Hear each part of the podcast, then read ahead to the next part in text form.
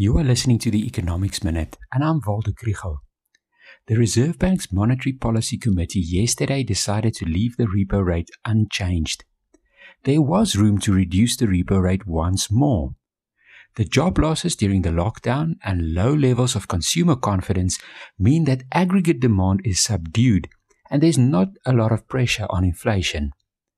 Also, internationally, there is uncertainty about economic growth prospects as a second wave of coronavirus infections hits the northern hemisphere and economies are locked down again. The slow pace of economic recovery could be an argument for cutting the repo rate. But then, a 25 basis points reduction would probably not have done much for South Africa's growth prospects. The problems of the economy lie in the precarious position of the public finances and the implementation of the Reconstruction and Recovery Plan.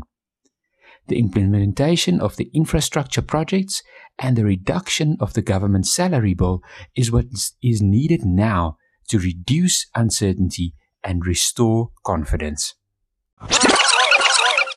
If you want to learn more about the economy, follow the Econ 101 page on Facebook.